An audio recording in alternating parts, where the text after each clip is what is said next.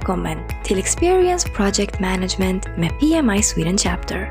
Din podd om de senaste trenderna inom projektledning. Där du får verktyg och nya insikter för att följa din projektledningsresa. Hej och välkommen till Experience Project Management-podden med PMI Sweden Chapter med mig Josefin. Och Laz. Vi är volontärer för PMI Sweden Young Professionals från Malmö och eh, har äran att sitta denna tidiga morgon med Rickard Svan som gäst. Och i dagens avsnitt kommer vi diskutera spännande ämnen såsom cybersäkerhet och om nya WOW på engelska Way of Working på FRA, Försvarets radioanstalt. Och vi kommer även ge lite praktiska tips om hur en kan undvika att bli hackad. Så Rickard, jättekul att ha med dig med oss här idag. Tack, jättekul att få vara med. Så du arbetar på FRA, Försvarets radioanstalt, som enhetschef för projektledning och verksamhetsutveckling.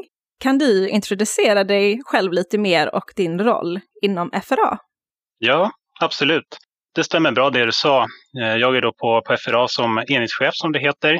I andra sammanhang så skulle man kunna kalla det för projektkontoret. Och jag är på den eh, tekniska avdelningen av totalt fyra avdelningar på FRA.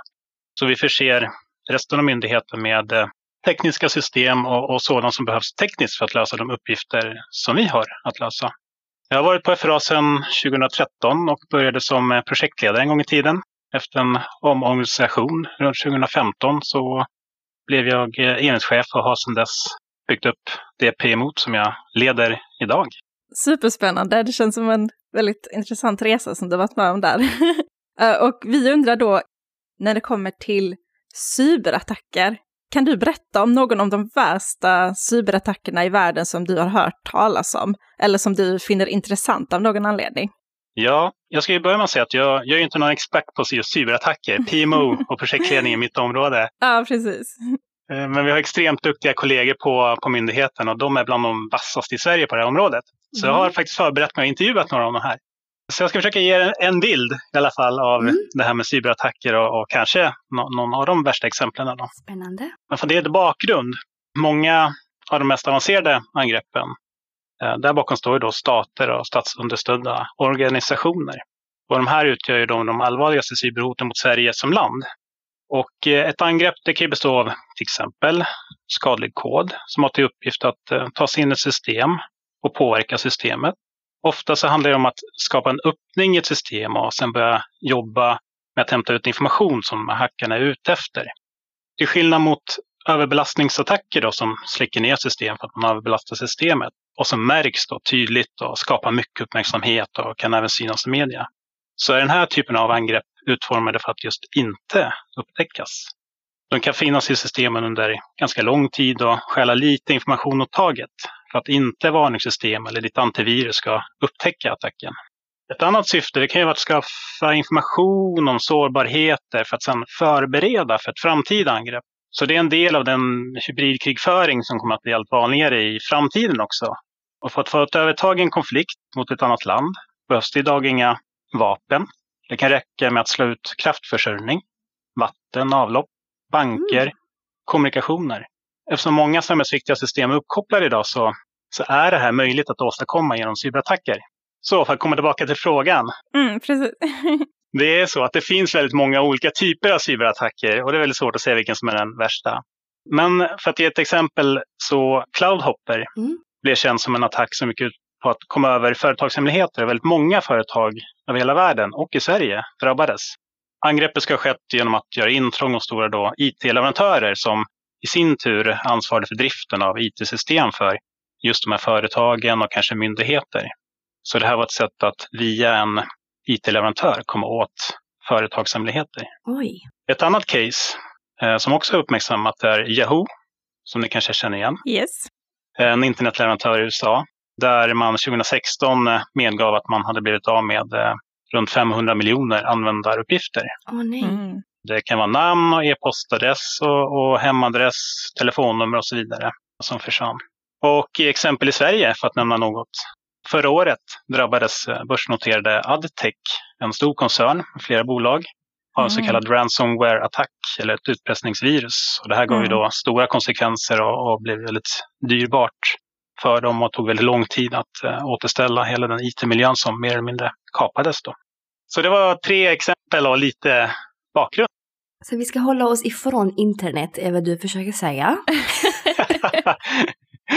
ja, man behöver vara försiktig åtminstone. Ja, det är lite läskigt hur stor påverkan det kan ha på ett lands infrastruktur till exempel, eller då företagshemligheter och så vidare. Så det, det är väldigt spännande att lära sig mer om det.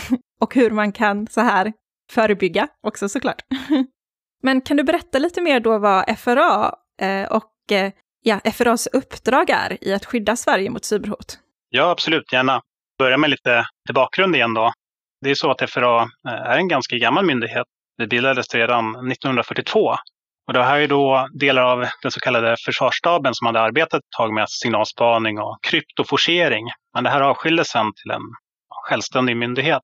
Bakgrunden kring det, det var bland annat att vi var väldigt duktiga på just dekryptering under den tidigare delen av andra världskriget. Under andra världskriget så var ju FRAs rapportering ett jätteviktigt stöd för den svenska statsledningen i, i Sveriges strävande efter att hålla Sverige utanför kriget. Och det var ju så att FRA forcerade ett antal länders krypton, det vill säga vi kunde översätta vad olika länder kommunicerade dem trots att de hade krypterat sin trafik. Mm. Och kanske den viktigaste framgången det var mot den tyska så kallade G-skrivaren där FRA kunde översätta tyskarnas kommunikation. Och mm. bara det, det är ett poddavsnitt i sig. Så ja. det får vi återkomma om. Nästa poddavsnitt i framtiden. Ja, precis. Historieavsnittet. Vi eh, får hoppa till, framåt i tiden till FRA idag då för att eh, komma tillbaka till eh, din fråga där.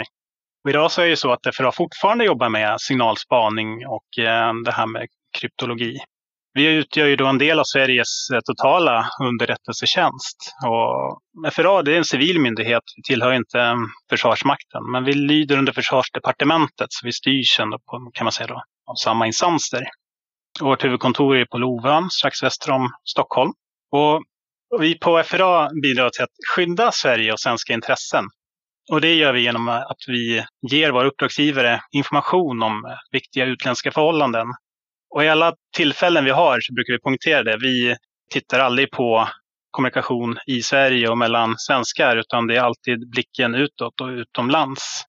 Och för att värna de mest skyddsvärda verksamheterna så arbetar då FRA, Försvarsmakten och även Säkerhetspolisen nära tillsammans. Och det här är då för att utveckla ett cyberförsvar mot de, de mest kvalificerade angreppen. Tänka tillbaka till de här samhällsviktiga systemen som är uppkopplade som mm. kraftförsörjning och banker och så vidare. Mm. Och för att utveckla ett cyberförsvar mot de här angreppen, då behövs det tre komponenter brukar vi säga. Mm. Och det ena är då signalspaning som vi varit inne på. Mm. Men det är också skyddsåtgärder. Man behöver skydda sig. Och det kan handla om motåtgärder. Och det som vi är duktiga på i de här tre spåren då, på FRA, det är den här signalspaningen och i det globala nätet som ett av de viktigaste sätten för att ta reda på just hur angrepp ser ut och hur de mm. fungerar. Och förmågan att upptäcka de här angreppen och kartlägga bakomliggande aktörer och förstå vem som egentligen ligger bakom. Det är helt centralt för det här nationella cyberförsvaret. Och kunskapen om det här den används ju sen för att bygga upp kompetens och teknik för att också bygga upp skydds och motåtgärder. Och här har FRA tagit fram ett varningssystem som kallas för TDV. Och det är ett system som kan upptäcka och varna för avancerade attacker. Det här är då ett system tillsammans med tekniskt orienterade tjänster som vi har på FRA för framförallt allt myndigheter och statligt ägda bolag som verkar inom just de här eh, känsliga samhällsviktiga områdena. Då. Så det är ett sätt och ett uppdrag vi har på FRA för att skydda Sverige mot just cyberhot. Och när det kommer då till cyberhot, eh, jag tänker att många organisationer går, verkar just nu gå igenom en digital transformation och nästan alla spenderar mycket tid på att använda digitala verktyg och digitala enheter, eh, både under arbete men även på fritiden. Så speciellt nu under covid-19 så verkar detta blivit vanligare. Så virtuella projektteam och samarbeten kan man säga är det nya normala. Eh, och många tror jag kan hitta möjligheter i detta. Men vad tror du, Rickard? Tror du att cyberhot kommer att öka i framtiden? Ja, precis. Jo, men det korta svaret är ja. Det är absolut mm. så att det kommer att öka. Det är något som FRA tror kommer hända, eh, även jag själv personligen. Det är jätteviktigt att tänka igenom sin IT-säkerhet i de här tiderna, precis som du nämner. Det är många som börjar jobba mer och mer hemifrån och, man jobbar mer uppkopplat. Och ja, jag tänker ju att vilka verktyg vi har för samarbete är viktigt då för företag att fundera igenom. Och har vi koll på var vår information lagras? Det är kanske det som är det mm. viktigaste att mm. fundera på. Var finns informationen i, eh, där våra dokument landar i slutändan? För många lagrar i molnet och man kan tänka sig ett stort fluffigt moln. Men som eh, eh, tekniker då så vet man att eh, molnet är inte så fluffigt utan det är en ganska fyrkantig låda, mm. en server som står någonstans i en serverhall.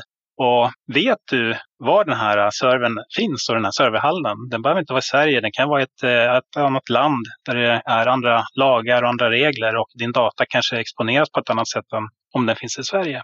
Så sådana här resonemang behöver man ha, tror jag, när man tar klivet mer och mer ut i molnet och jobbar mer och mer virtuellt. Vad ska man tänka då som en person, liksom även på fritiden? Vad ska jag tänka på? Mm. När jag är bara hemma och, jag vet inte, surfar. Precis. Det man kan tänka på är såklart att man har ett uppdaterat antivirussystem. Det är alltid väldigt bra att ha. Ja, sen är det väldigt mycket sunt förnuft. Klicka inte på suspekta länkar. Gå inte in på hemsidor som eh, inte indikerar att den är säker. Till exempel uppe i, i sökverktyget så finns ju idag ett hänglås som den aktuella hemsidan anses vara säker. Och eh, din browser brukar varna om den inte är säker. Mm. Då kan det vara en god idé att bara släcka ner till exempel. Så du menar att när jag trycker acceptera risken att jag gör fel? För jag brukar också få upp det här att, vet, att det står att eh, du kan inte eller vill du fortsätta på den här hemsidan? Och jag bara trycker ja, acceptera risken. ja, det är det. Hela tiden vara riskmedveten och ta medvetna val. Det är väl det det handlar om. Ja, nu får vi anteckna Lass. Jag ska sluta att göra det. Men ja, cyberattacker och, och, även andra problem och säkerhetsrisker eh, som då relaterar till att vi är mer uppkopplade verkar bli mer uppmärksammade tycker jag. Uh, och jag har även hört att cyberattacker kan vara ett av de potentiellt största hoten mot vår moderna civilisation. Så det det är ganska stora grejer. Ja, så är det. Det skrivs mer och mer om det här i media och det är jättebra. Men det har ju pågått i många år och mm. ja, vi får se vad som händer i framtiden. Det kommer bli mer och mer avancerat och svårare och svårare att skydda sig. Mm. Rickard, i din nuvarande roll leder du DevOps och eh, agil transformation på FRA mot det nya Way of Working. Kan du berätta för oss och våra lyssnare som kanske inte vet, vad är DevOps, agil transformation och way of working? Och hur leder du denna stora förändringen på FRA? Ja, jag ska försöka ge er en bild. Det är många olika begrepp som slängs eh, med här. Mm. Och eh, för att börja med eh, DevOps då, så inom IT och mjukvaruutveckling så pratar man väldigt mycket om DevOps nu. Och eh, DevOps är en sammansättning av två ord egentligen, då, två förkortningar. Jag kan det här. Du kan det här, härligt. Vill du? Development och Operations Team. Snyggt. Yes. Bra läs, nice. Helt, helt rätt. Var påläst, mycket bra. och eh, precis som du säger Las, development står ju för då utveckling, ops, operations eller IT-driften då. Och eh, där handlar det då om att det är en ja, förening av människor, process och teknik för att ge ett mervärde till kunderna. Man jobbar integrerat tillsammans istället för som det kanske har varit väldigt mycket tidigare, att man har jobbat på olika avdelningar och någon har jobbat med utveckling och sen kastar man något över muren till IT-driften eller förvaltningen.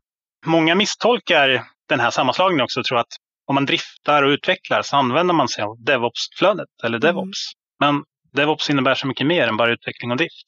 Grovt sett så innebär det att ett team utvecklar, driftar, men också testar, integrerar, Eh, övervakar applikationen i ett automatiserat flöde. Så automatisering är en väldigt stor del av det här med DevOps. Det är ju framförallt ett sätt att idag utveckla mjukvara och system och applikationer.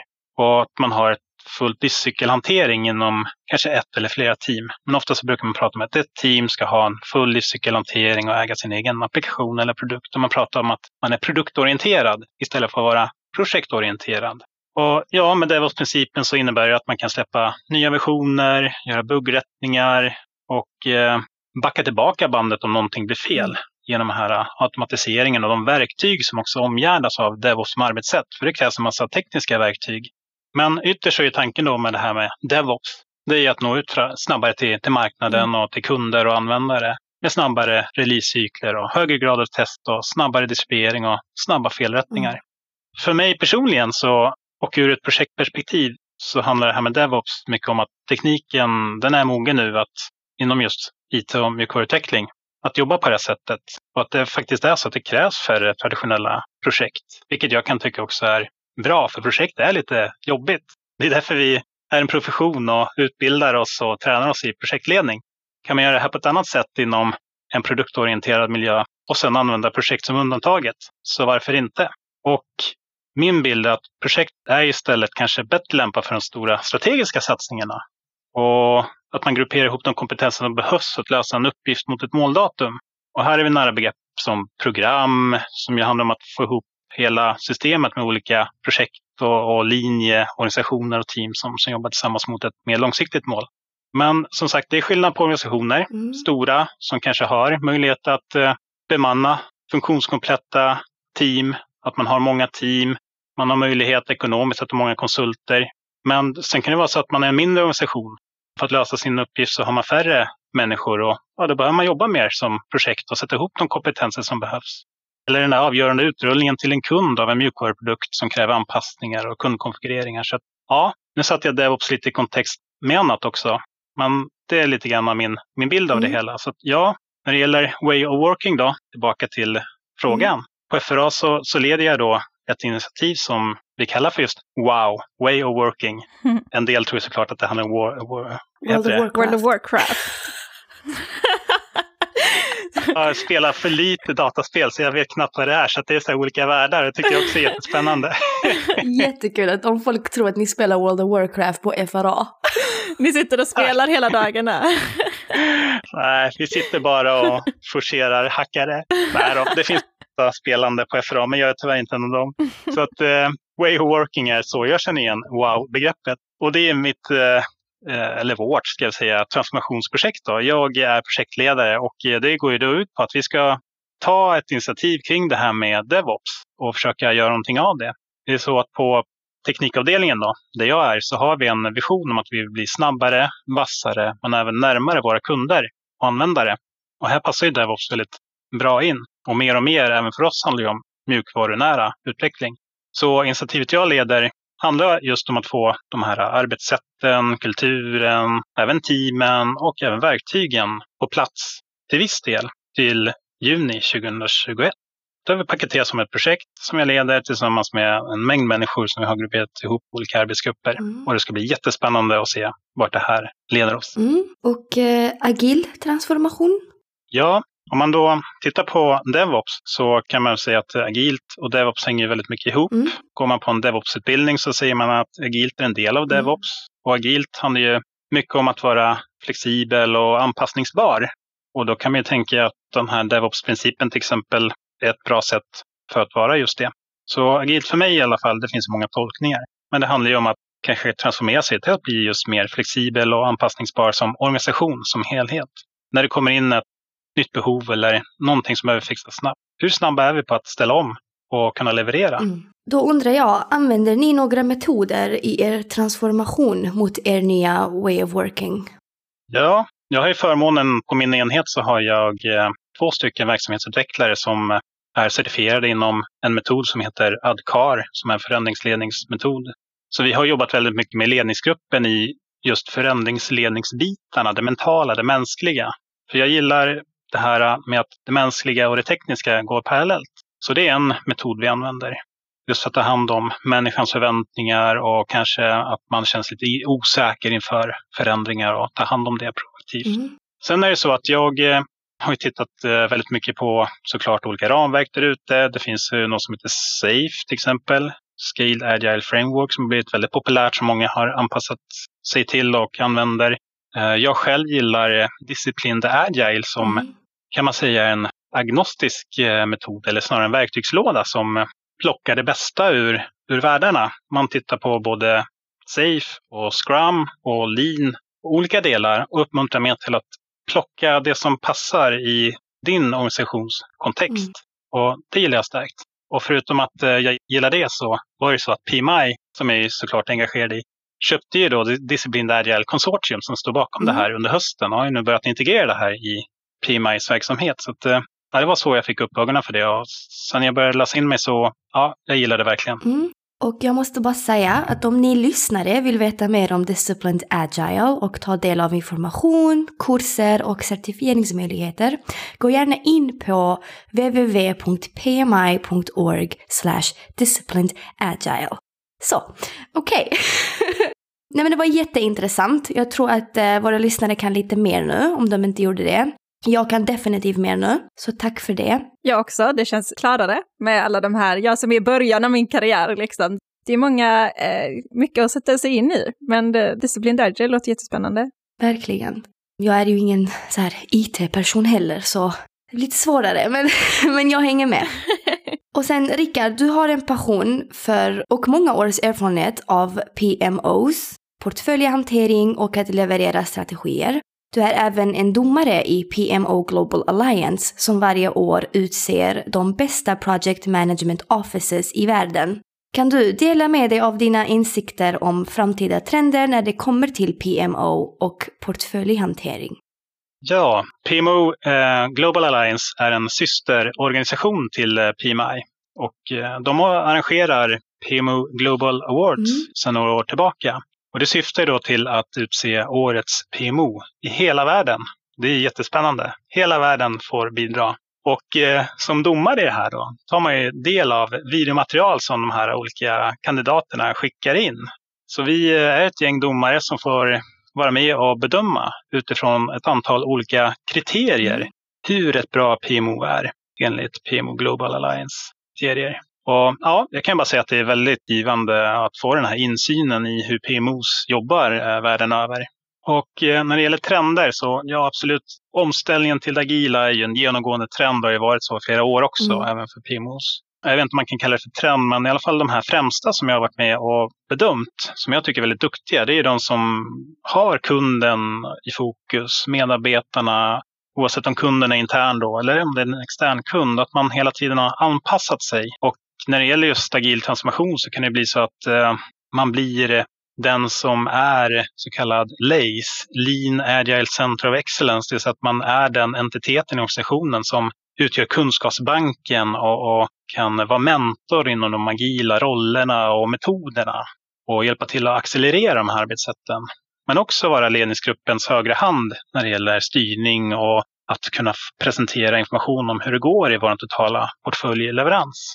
Och eh, det jag kan säga om de som är ledande i det här, det är också de som då även ansvarar för de viktigaste och kanske mest disruptiva satsningarna som företagen gör. Det vill man gärna lämna över till sitt PMO som man vet har duktiga projektledare som kan hantera medarbetare som kommer från olika delar av organisationen. Och eh, många av dem som nu är i final, de, de har gjort de här eh, stegen framåt och kunnat leverera. Så att jag är väldigt imponerad över hur professionella de är, särskilt eh, finalisterna. Då. Spännande. Ni kommer att hålla utdelningen av priset för PMO Global Alliance då i oktober, eller hur? Det stämmer. Mm. Kommer det vara ett event eller någonting sådant en kan ta del av? Kanske våra lyssnare vill delta i detta? Jag vet att jag och Josefin vill definitivt kolla det. Yes. Ja, det är klart ni ska delta. Det är så att eh, ja, normalt så brukar det vara ett event i, i London i oktober varje år. Men ja, i år är det ett, ett speciellt år med covid-19. Mm. Så att som så många andra event så blir det ett virtuellt event i år som kallas för PMO Global Awards Experience Conference. Och det går av stapeln den 26 oktober. Mm. Så vill man delta så kan man ja, googla på PMO Global Awards. Eller så kan vi se till att det läggs ut en länk i samband med att vi lägger ut det här avsnittet kanske. Kan vi göra? Med mer information. Ja. Vinnaren kommer sedan att annonseras den 29 på en virtuell ceremoni. Eh, där man också kommer genomföra olika talkshows. Där bland annat eh, PMIs CIO Sunil Prashara Mm. deltar. Och det här har PMO Global Awards sagt är väldigt eh, kul. För att man vill då skapa ett nära samarbete med, med PMI. Mm. Så kan vi inte missa detta. Nej. Speciellt om Rickard ska också vara en domare. Ja, eller hur? Då måste vi titta på detta. Rickard, du är också medlem i Svenska Projektakademin och Association of Change Management Professionals. Kan du berätta lite mer om vad som fick dig att bli involverad i dessa organisationer? Mm. När det gäller den eh, sista där, Mm. ACMP som de förkortas, så är det ju då förändringsledarnas, change managers, Mm. motsvarighet till till exempel PMI. Och eh, där samarbetar PMI i Sverige med ACMP väldigt nära och vi har börjat eh, inse att eh, de här eh, rollerna och kompetensområdena är väldigt närbesläktade. Ungefär som jag beskrev eh, mitt transformationsprojekt. Så även om jag är projektledare och driver med de tekniska leveranserna så är det otroligt viktigt att det går hand i hand med människan och eh, förändringen som man egentligen vill få till i verksamheten. Så det är lite grann bakgrunden till att jag har fått upp intresset för den delen också och eh, jobbar nära dem. Mm. Och som då har utvecklats i samarbete mellan ACMP i Sverige och PMI i Sverige. När det gäller projektakademin så är då det en sammanslutning av eh, akademiker, professorer, men även näringsliv, myndigheter. Och vi är runt 30 ledamöter. Det är hela tiden där omkring det ligger. Eh, Man väljs in genom en, en process. Och eh, det vi framförallt gör det är att utse årets uppsats inom projektledning. Mm. Men också att vi utser årets projektledare.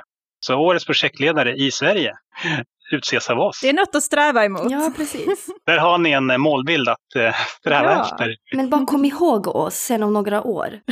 Ja, vi håller kontakten, absolut. Ja, om jag möter no eh, några mo eh, motstånd, har några frågor eller så under min projektledningsresa, kommer jag, kommer jag fråga dig Rickard. Det låter bra, du är välkommen. Jag kommer aldrig låta dig glömma mig. Nej. det låter bra. Bra attityd Josefin. Ja, kommer aldrig glömma mig. Så jag hör om, om du kan ge oss och våra lyssnare lite mer praktiska tips när det kommer till vad projektledare och teammedlemmar ska tänka på när det kommer till cybersäkerhet. Så vi har Ja. faktiskt några scenarier här som vi kommer att presentera för dig Mm. och eh, undrar då helt enkelt vad de möjliga riskerna är med ett sådant beteende som vi kommer att prata om. Och det här gör Josefin hela tiden, Rickard, så vi måste ju lära henne att så här ska man inte. Ja, så styr upp det här, jag känner det redan. Jag har ju faktiskt ett exempel här med Lass. Jag och Lass har ju arbetat väldigt nära eh, med den här podden, så att jag har ju lite inblick i hur hon beter sig med, eh, på internet och med datorer och så. Så vad jag har hört så arbetar Lass med ett eh, stort projekt just nu. Och eh, på grund av coronasituationen så arbetar hon främst hemifrån. Jag vet inte vad hon pratar om. Och för bekvämlighetens skull, enligt Lass då, så laddar hon upp sitt arbete på sin personliga molnservice. Eller så har jag också hört att eh, hon bara helt enkelt sparar allt arbete på sin personliga dator och på sin telefon. Så vad har du för tips här till Lass? Är det, är det smart beteende? Ska jag börja? Lasla. Ja. det här låter inte bra. Nej, men så här är det. Alla enheter eh, som är uppkopplade till internet, ja, de går ju att hacka. Så det ska man hela tiden fundera på. Speciellt last låter det som i det här fallet. det är faktiskt bara en fråga om eh, intresse och vilja och eh, tid och kompetens och resurser. Sen är man utsatt. Så ja, min rekommendation här är väl att fundera på, arbetar du så säkert som du kan? Fundera igenom de här verktygen som du använder. Använder du dem som du faktiskt har fått av din arbetsgivare? Eh, eller gör du det inte? Är du osäker på vilka verktyg du faktiskt ska använda och på ett säkert sätt så hör av dig till eh, din närmsta IT-kontor eller ditt eh, IT-säkerhetskontor och bolla lite grann innan du gör något som du behöver ångra senare. Mm. Ja, Superbra tips. en lågt, häng... och en lågt hängande frukt där också som ni var inne på. Det var att nej, blanda inte privat och, och jobb. Det är en jättedålig idé faktiskt. Och framförallt om man har sådana här USB-minnen fortfarande så ska man verkligen undvika att stoppa ett USB-minne mellan olika datorer för att eh, de här de är riktiga smittspridare. Nu när Josefin har eh, avslöjat det här eh, om mig. Whoopsie! Jag vet också lite om Josefin, Rickard. Ja, vad spännande. Ja, det är så här att jag har faktiskt fångat Josefin skriva in hennes lösenord. Och hon använder samma lösenord överallt. Hon har inte bytt ett lösenord på mer än tio år. Och jag kommer faktiskt avslöja nu vad hennes lösenord är. Och det är Hej 123. Ja, Och det är inte okej. Jag tycker nästan att det är värre. Vad bra nu att hela världen vet mitt lösenord läs. På all, alla, alla sidor och alla, allting jag är registrerad på. Ja men det känns, det känns jättesäkert. Nu måste du byta. ja. Då kan du passa på att byta till brandbil 123 som också är ett populärt lösenord. Ah, smart. Eller hej då. Precis. Nej, här är det då att eh, det här med lösenord är hygiennivå. Det är jätteviktigt, så är det. Så att eh, byt omedelbart lösenord till att börja med, Josefin. Mhm. Mm. Men eh, jag kan komma på tips. Och då tänkte jag tipsa om att använda så kallade lösenordsfraser och i kombination med en lösenordshanterare för att hålla ordning på dina olika lösenord. För det är ju så att ja, du ska ju helst ha olika lösenord, inte samma lösenord. Oj då. Ja, oj då. Nu måste vi börja byta här på massor med ställen. Men jag vet inte om ni har en eh, iPhone som jag har och då när man eh, till exempel registrerar sig på en ny tjänst så kan ju den föreslå ett slumpmässigt lösenord.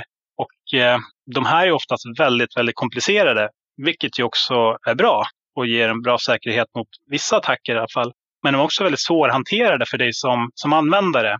Och har du en lösenordshanterare som ja, det finns inbyggt i iPhone idag, eller någon annan, så kanske det är bra. Men här är ett bra tips i alla fall att använda en fras. Och det är att sätta ihop några ord, till exempel tre till fem ord, tillsammans med Mm. några olika siffror eller specialkaraktärer här och där. Och då kan det vara lättare att komma ihåg dem om det står där någonstans utan din lösenordshanterare. Och eh, ja, det är väl egentligen mitt tips att sätta ihop några olika fraser, blanda med eh, några specialkaraktärer. Ha inte samma lösenord överallt. Och eh, har du svårt att hålla koll, använd en lösenordshanterare. Det är bara att googla, det finns jättemånga där ute. Ja, det ska vi ta till oss. Du kan inte ha det i tio år, Josefin. Du måste ju byta. Det går inte. Nej, jag, jag tycker jag kör tio år till. Nej, en liten disclaimer här att de här scenarierna var ju faktiskt påhittade. Vi, jag och Lass är ju jättesmarta och duktiga på, Yes. på att bete oss på internet. Så för att gå vidare här, så du Rickard har ju precis som oss en passion för projektledningsyrket och eh, utveckling och, och att ta del av nya trender. Eh, så precis som du nämnt så är du ju faktiskt engagerad inom PMI Sweden Chapter. Du är ju faktiskt styrelsemedlem i PMI Sweden Chapter och har rollen som vicepresident för marknadsföring och kommunikation. Så kan du berätta lite mer om hur du blev involverad i PMI och vad detta har betytt för din karriär? Hur blir man involverad i PMI? Någonstans så började det för mig i alla fall att eh, jag eh, på min, hos min förra arbetsgivare runt 2008 tror jag att det var. Vi, eh, vi kunde komma till läge, jag var ansvarig för vår projektportfölj. Jag var också produktchef och det var väldigt många trådar att hålla i. Vi landade att vi behöver ha ett verktyg för att hjälpa oss hålla koll på det här. Och i samband med det och de människorna kring det här verktyget och den leverantören så kom jag i kontakt med PMI. Jag hörde någon som sa det här med PMI och att eh, det var väldigt eh, intressant för att det var ett stort nätverk. Eh, det var ett aktivt nätverk i Stockholm på den tiden, vilket det är även idag. Då. Och eh, det var på den vägen. Jag gick på min första träff, ett kvällsseminarium tror jag det var. Eh, jag var också med på det årsmötet man genomförde i Stockholm. Jag tror att det var 2009 där någonstans. Jag tyckte att wow, det här var jättespännande. Man hade gästföreläsare som pratade om de senaste trenderna inom projektledning och såg att här fanns det ju en standard att hålla sig i och det fanns eh, massor med material att förkovra sig i. Och framförallt då igen det här nätverket, massor med spännande människor att lära känna. Så det var där runt 2008-2009 och eh, även 2009 så var jag föräldraledig, gick hemma och eh, lyssnade faktiskt på en podd eh, som var en eh, PMP-preparerande podd. Och Mm. jag tog då min PMP-certifiering 2009. Och sen har det bara eskalerat som en snöboll en lavin. Nej, men eh, jag var hanger-on ganska länge och var inte så involverad. Men för ungefär fem år sedan så tänkte jag att eh, ja, men nu är det dags att jag eh, tar klivet in och engagerar mig lite mer. Så då såg jag en roll som man efterlyste och det var just att hantera medlemsvärde som jag tyckte lät spännande. Så det var liksom mitt insteg. Och precis som ni sa, Eh, idag är jag styrelseledamot, eh, jag är med i styrelsen då. Ansvarar för marknadsföring, kommunikation och, och IT. Och för mig så är det här ett sätt att eh, få utlopp för kompetenser och intressen som jag har, men som jag kanske inte får ut riktigt i det jobb som jag har idag, som är jättekul på andra sätt. Så det här är för mig en liten pysentil där jag kan lite grann leka med sånt som jag också kan och som jag också är intresserad av. Men förutom det så är det ju också väldigt kul att vara med och bidra till, eh, till professionen och, och lära massor med nya roliga och smarta människor, precis som ni, som också är med och, apropå karriären, är med och utvecklar ja. mig och genom det stora nätverket som vi har och alla de träffarna. Så ja, jag skulle säga att det är det största värdet för, för min karriär faktiskt, att eh, det är att ta del av nätverket och lära känna alla människor och lära mig av, av andra. Ja, det håller jag verkligen med om det sista du sa också. Men Lass, vad har fått dig att vara involverad i PMI? Ja, men det är, ju, det är ju samma sak också. Det är ju det här nätverket, att man får träffa folk och, och man lär sig ju så mycket. Och sen blev jag ju faktiskt involverad i PMI just för att jag tror det är många som jobbar som projektledare utan att de vet att de jobbar som projektledare och jag var själv i den sitsen.